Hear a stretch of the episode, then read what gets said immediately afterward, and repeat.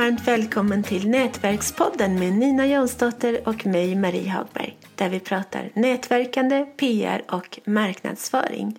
Och idag så har vi en viktig grej eh, som vi vill ta upp som, inte, ja, som berör alla företag helt enkelt. Och det är att Datainspektionen de har informerat om en ny lag om dataskydd.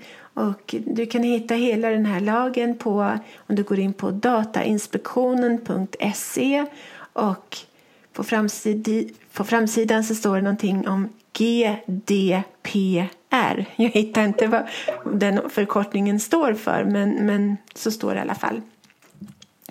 GDPR.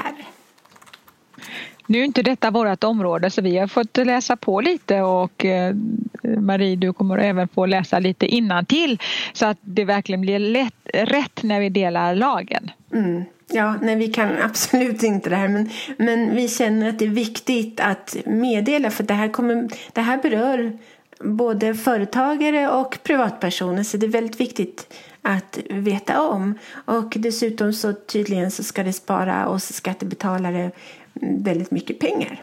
Så det är bra. Vad innebär den nya lagen, Marie?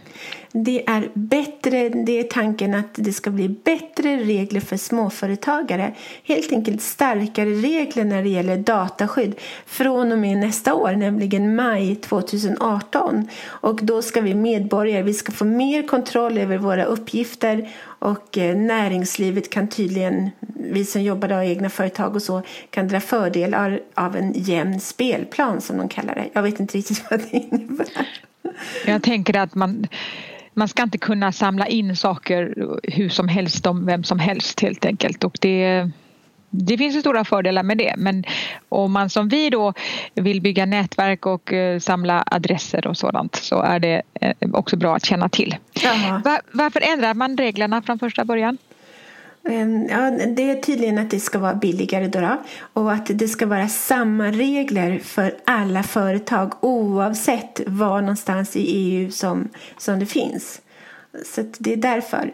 Ehm, och det handlar om förtroende, att eh, tydligen så gamla, det var brist på förtroende för gamla dataskyddsregler och ja, en massa olika saker. Och de här nya reglerna, det står här, de ska sätta fart på konsumenternas förtroende och därmed på näringslivet. Så det tackar vi för.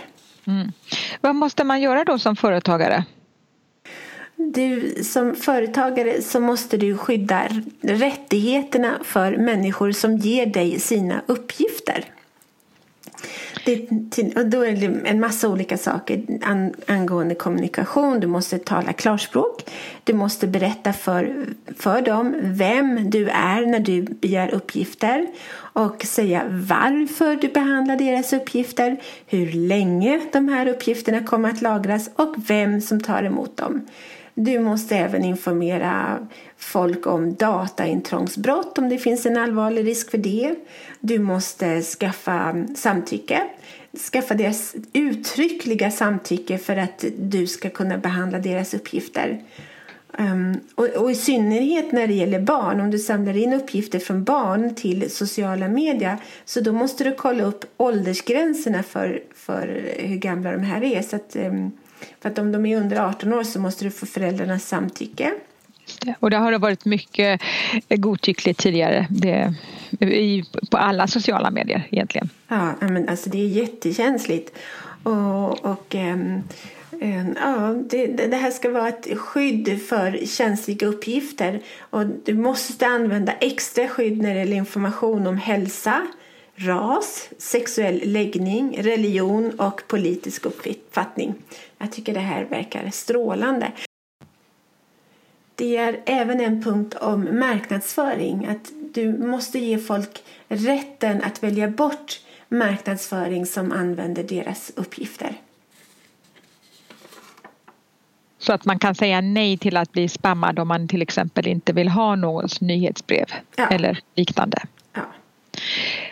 Behöver man ha någon dataskyddsombud Ja, eller ja, både ja och nej. Det är inte alltid obligatoriskt för det beror på hur mycket uppgifter du samlar in och typen av uppgifter, om behandlingen är din huvudverksamhet och om du håller på med den i stor skala. Så jag har två exempel. Ena är att du behöver du behöver en sån här, ett dataskyddsombud om du behandlar personuppgifter för att målinriktat annonsera genom sökmotorer baserat på folks beteende på nätet. Där är det många, där så, så jobbar många idag och ännu, ännu fler framöver. Ja, ja. Behöver man då föra något typ av register för hur man eh, behandlar uppgifterna?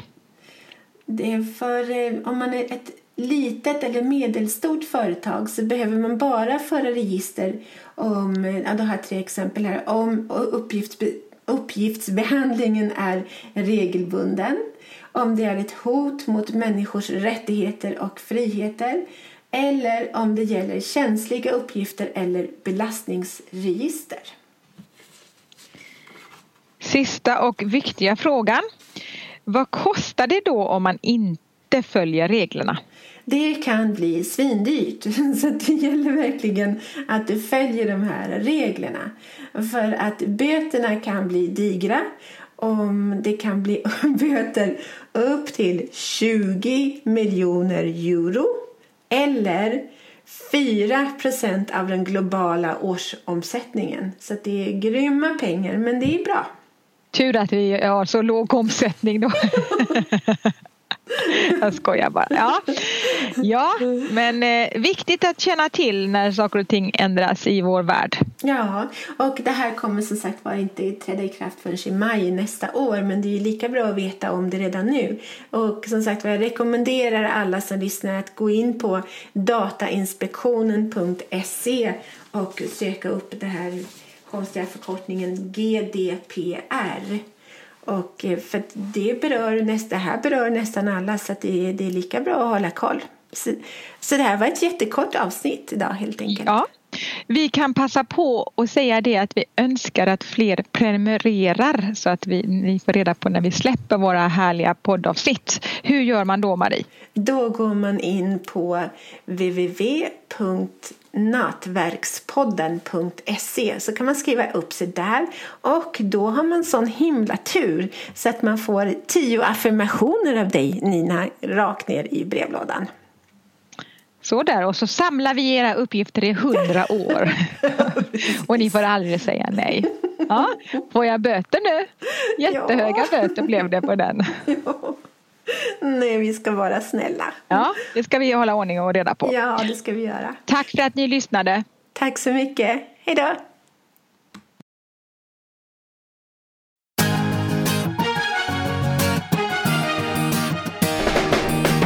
Tack för att du har lyssnat på Nätverkspodden om nätverkande, PR och marknadsföring med Nina Jansdotter och Marie Hagberg.